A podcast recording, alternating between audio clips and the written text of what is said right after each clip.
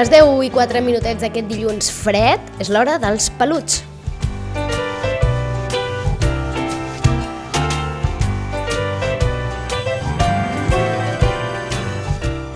Dilluns fred no, gèlid, eh? Ha tornat l'hivern de sobte. Apa, t'has passat, em diuen, t'has passat. I és que estic glaçada, tu.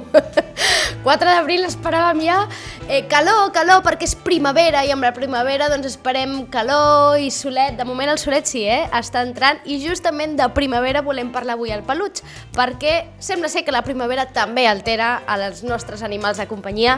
Valentina Mariotti, molt bon dia. Muy buenos días, Carola. Gracias por invitarme como siempre. Encantada de rebre't i de conversar amb tu i d'aprendre eh, coses sobre els nostres animals de companyia. Estem en primavera, no us sembla gaire, per allò de la temperatura, i ara deia, la primavera també afecta els nostres animals de companyia, eh? Sí, eh, hay, hay varias cosas que, digamos, en esta temporada eh, podemos observar tanto en, en perros como, como en gatos eh, y que cambian su comportamiento. Eh, en primer lugar, pues el cambio de temperatura, el ritmo circadiano puede, puede verse afectado, es decir, los animales pueden estar, eh, digamos, cambiando su, su patrón de actividad, eh, pueden estar eh, no tanto más chafados como, como nos pasa a los humanos, al contrario, sino más eh, excitables, más nerviosos, más activos. Uh -huh. Per tant, esto- allò de la- de l'estènia primaveral no, no la tenen, eh? Les, els, els afecta l'inrevés, diguéssim, eh? Exacto, exacto. Eh, en, esa, en esta temporada normalmente pues coincide que, que las hembras eh, entren en celo, al menos en el caso de los perros, que son animales que tienen dos ciclos estrales al año, es decir, dos, dos celos, normalmente uno ahora en primavera y otro en, en otoño. Eh, mientras las, gatas tienen un tipo de, ciclo reproductor di- distinto, pues la ovulación es provocada, pero también empiezan a despertarse eh, las, las hormonas en este, en este periodo, con lo cual podemos observar que los animales están más activos, los machos eh, buscando rastros, eh, olores y, las feromonas, digamos, que, las hembras pueden dejar en las marcas de orina, en casa y fuera. Y, y en general también aumenta el nivel de actividad, de alerta, eh, aumentan las horas de, de luz mm, a lo largo del día, evidentemente, con lo cual los animales eso, despiertan pues otros instintos de, preda- de predatorios, por ejemplo, o de búsqueda de, de- la pareja sexual. Entonces eso se repercute, digamos, en, en cómo salen muchas veces a, a la calle, ¿no? Hablando de, de perros y, y de gatos, pues vemos comportamientos distintos. Los gatos pueden desaparecer, por ejemplo, muchos días patrullando, ¿no? controlando el territorio. Los perros no porque van atados, pero se pueden escapar detrás de algún rastro de una hembra en celo. D'acord. Una pregunta que et volia fer respecte a això precisament. Clar, això va associat a la primavera i normalment la primavera l'associem a pujada de temperatures, no? Més sol, Exacto. els dies eh, s'allarguen més... En, amb el que està passant, per exemple, aquesta setmana, que les temperatures no han pujat sinó que han baixat, això també els afecta amb ells? És a dir, això també pot fer que retardi d'alguna manera en ells aquesta, doncs, aquestes períodes, aquests períodes de zel, etc. Eh, no es tanto por la temperatura, es decir, es más De por acuerdo. el cambio del ritmo circadiano, o sea, la cantidad de horas de luz De que acuerdo. tiene un día. Porque esto influye sobre una, una glándula un- un- que se llama glándula pineal, eh, digamos, en, en los, en los perros que, eh, y los, los gatos, bueno, también los seres humanos nos... També ens nos- afecta, sí, sí, tenemos, exactamente nos afecta, eh, porque es como eh, si fuera el, el- digamos, el órgano que, que registra los, los cambios estacionales en función de la cantidad de, de luz que, que percibe diariamente, diariamente, y por lo tanto eso sí que puede influir sobre el nivel de actividad, no tanto la temperatura. en D'acord. sí. Es decir, el hecho de que haga un poquito más de frío en esos días, pues no, no retrasa necesariamente eh, el aparecer de esa, la aparición de esas conductas. ¿eh? O sea que es, es más un tema de, de luz. de- d'hores de llum. Per tant, una mica també va, entenc que va lligar tot a veure amb, amb, amb, amb la fi de la hibernació no? en molts animals, no? com per exemple poden ser les tortugues, no? que qui té Sí. tortugues ho sap que, que just ara a la primavera és quan de sobte surten, no? S'han passat tot Sí, sí, l'hivern sí. tancadetes. Eh, sí, Eh, y, pero en eso sí que ves la temperatura eh, es donde afecta más, porque son animales de sangre fría. Uh -huh. Los mamíferos podemos termorregular nuestra temperatura, y esa es la característica precisamente de, de, de los mamíferos, mientras los, los reptiles eh, pues son, son animales que, que no, que son animales de sangre fría, con lo cual ahí sí que el despertar está relacionado con la temperatura ambiental y ahí sí que se puede notar un cierto retraso si la temperatura no alcanza, digamos, la suficiente como para que el animal eh, salga de la hibernación. D'acord, d'acord. Doncs eh, apuntat aquest matís eh, que li feia, seguim, Valentina, deies, aquests són els, és el principal canvi, no? que quan arriba la primavera notem els gossos i els gats no? més actius, com, amb, amb, més nerviosos, potser nerviosos en el sentit de que tenen més, més ganes de moure's, no? més inquiets, no? que rastregen, que busquen, entren al període del zel... Què més? En què més afecta la, la, la primavera, l'arribada de la primavera als animals de companyia? Eso es, es, muy, es muy interesante. En la, en la casuística, eh, digamos, de accidentes por mordedura, sobre todo en los sí, perros, sí. vemos un incremento notable en la época de primavera. Eh, es decir, realmente aumentan los casos de agresividad intraespecífica e interespecífica. Significa que hay mmm, más mordidas por parte de, de los perros, eh, tanto entre perros que conviven, uh -huh. que pueden entrar en, en, conflicto, por ejemplo, pues la, por, la, por, por, un recurso, por una hembra en celo del uh -huh. vecino, están como más irritables, más nerviosos y más competitivos, como entre perros, por ejemplo, que no conviven, pero que se encuentran fuera porque justamente pueden eh, tener una competencia por, por, una hembra, aunque no esté en celo en ese momento, pero, pero aumenta, digamos así, el sentido de protección eh, o de competitividad.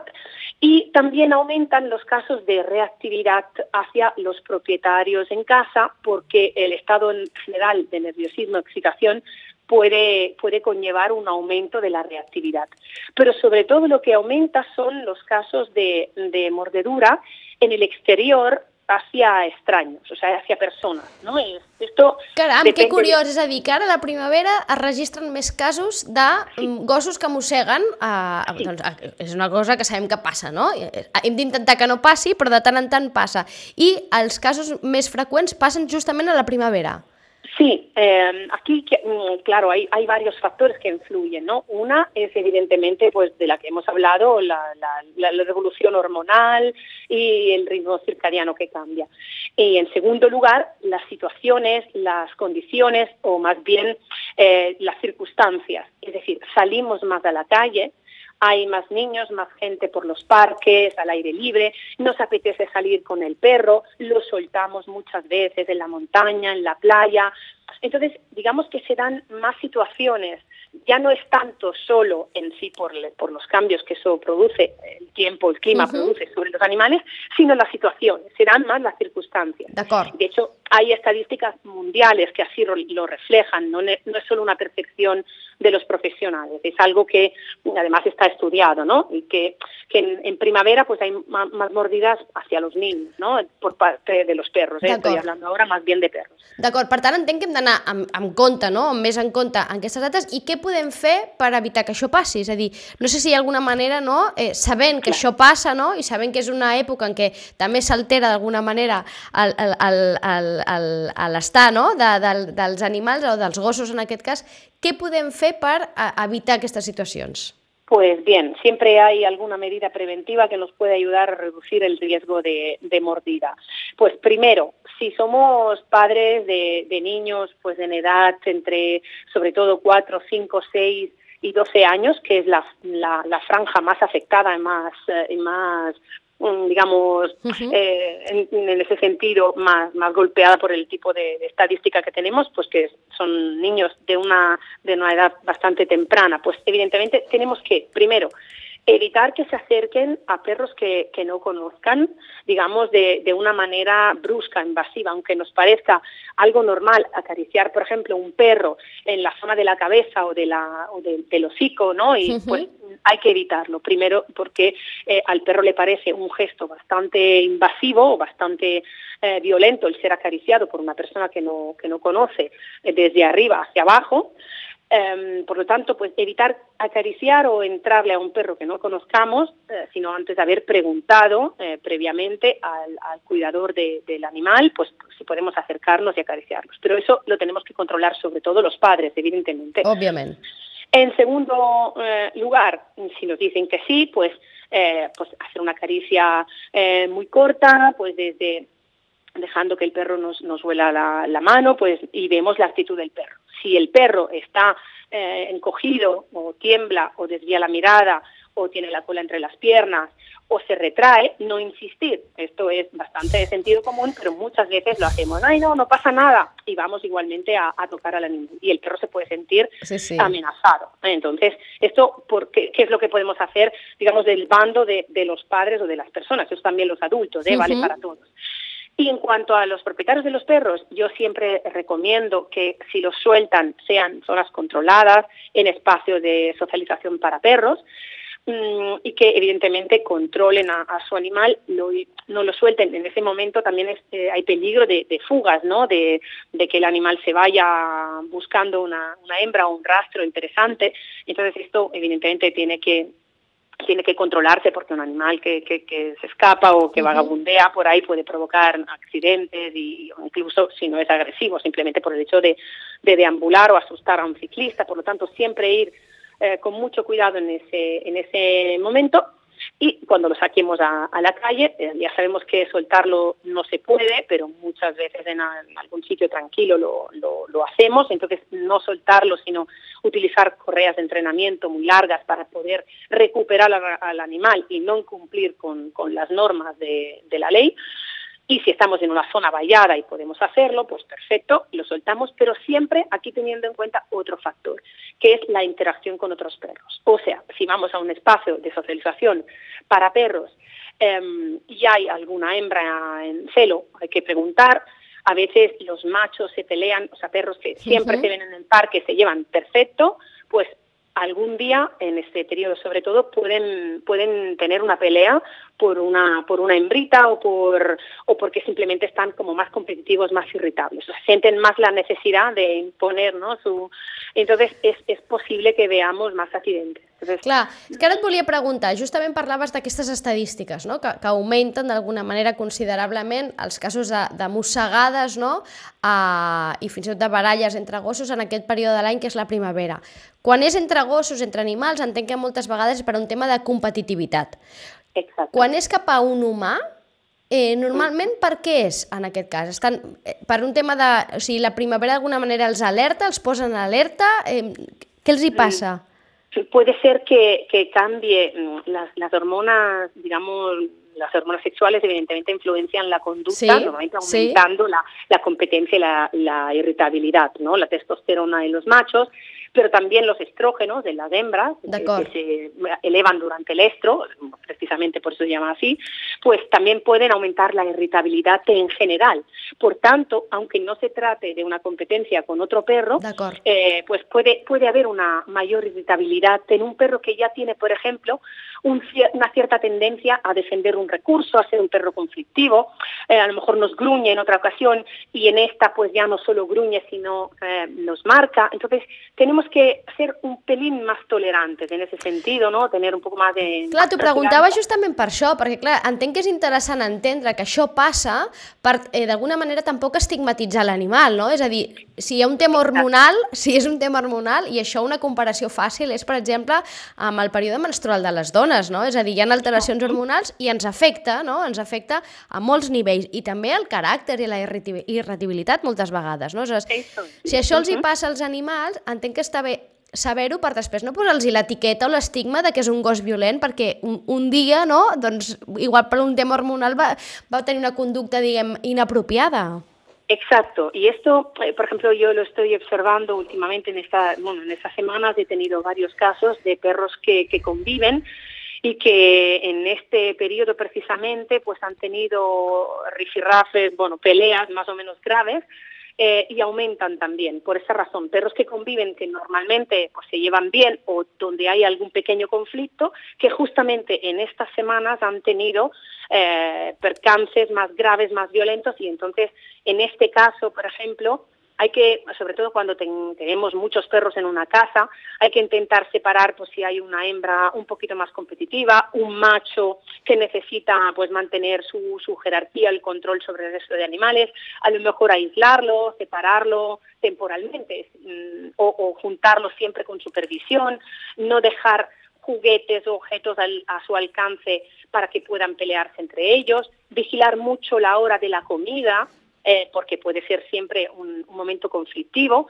y también controlar mucho las interacciones que nosotros tenemos con los animales. Es decir, muchas veces el simple hecho de llegar a casa y saludar a uno de nuestros perros antes que a otro puede crear un conflicto y una pelea. Si ja ens Entonces, passa amb els fills, això, no? claro, pero una cosa fundamental aquí, la diferencia es que con, entre seres humanos, claro. nosotros evidentemente somos imparciales, intentamos uh -huh. tratar a todo el mundo por igual. En los perros esto, este concepto está equivocado, no podemos tratar a los perros por igual. ¿Por qué? Porque si no tienen ningún conflicto, perfecto, podemos hacer lo que nos dé la gana, pero cuando hay una jerarquía que respetar y cuando hay un conflicto, sí que tenemos que vigilar a quién le otorgamos los privilegios que le tocan por, por rango, digamos. Entonces, a veces, sin querer, hacemos alguna cosa que el perro interpreta como una falta ¿no? de eh, reconocimiento del liderazgo. Entonces, tenemos que también tener cuidado en las interacciones que, que tenemos con ellos. Caramba, això de tenir gos es complica, eh? Si hi ha algú ara que s'ho està pensant, es complica, però va bé, va bé, va bé saber tots i tenir tots aquests coneixements, entendre què passa això, doncs precisament perquè si mai hem de tenir un gos a casa, sobretot perquè ara parlàvem de gossos, doncs eh, mirar d'entendre'ls de la millor manera possible no? i que la, la convivència sigui, eh, sigui bona. Valentina, moltíssimes gràcies. Gracias a vosotros como siempre. Recuerdo que para cualquier consulta me me pueden contactar a través de mi correo electrónico que es valentina.weekendog.com o mandar un WhatsApp o un audio, una llamada pues al 652 33 1005 y para, para cualquier consulta sin compromiso, pues aquí estoy disponible. La Valentina Mariotti, veterinària i etòloga, experta en comportament eh, d'animals de companyia, que està sempre doncs, eh, a punt per eh, donar-nos consells i explicar-nos coses dels nostres animals. Ja saben, a més a més, que nosaltres també linkem sempre el nostre post amb la seva pàgina i allà hi podeu contactar. Gràcies, Valentina, ens tornem a retrobar aviat. Gràcies.